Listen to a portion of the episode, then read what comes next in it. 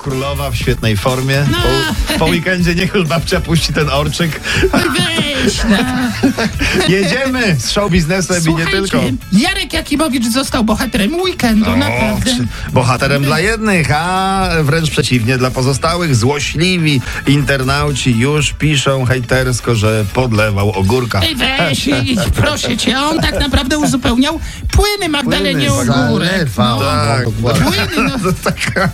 Co prawda tak z góry lał do tego e, z I wcale nie otworu. tak o dobry, bo to jest zdjęcie z weekendu, a i nalał jej normalnie letni płyn do spryskiwacza. No, bo- Ale idzie lato, dobrze będzie, Wiosna słuchajcie. idzie, pewnie. Synek Martyniuk tak kocha Danusię i mówi o wierności, że podobno nie dostrzega tancerek na scenie. no, tak może to i lepiej. Nawet nie widzi tancerek na Raz scenie. zauważył tancerki i potem przez te oczy zielone, zielone oszalał. No, ale pani Danuta ma chyba brązowe No oczy. właśnie dlatego nie zauważa tancerki. A, okej. No. Na specjalne życzenie pani Danuty.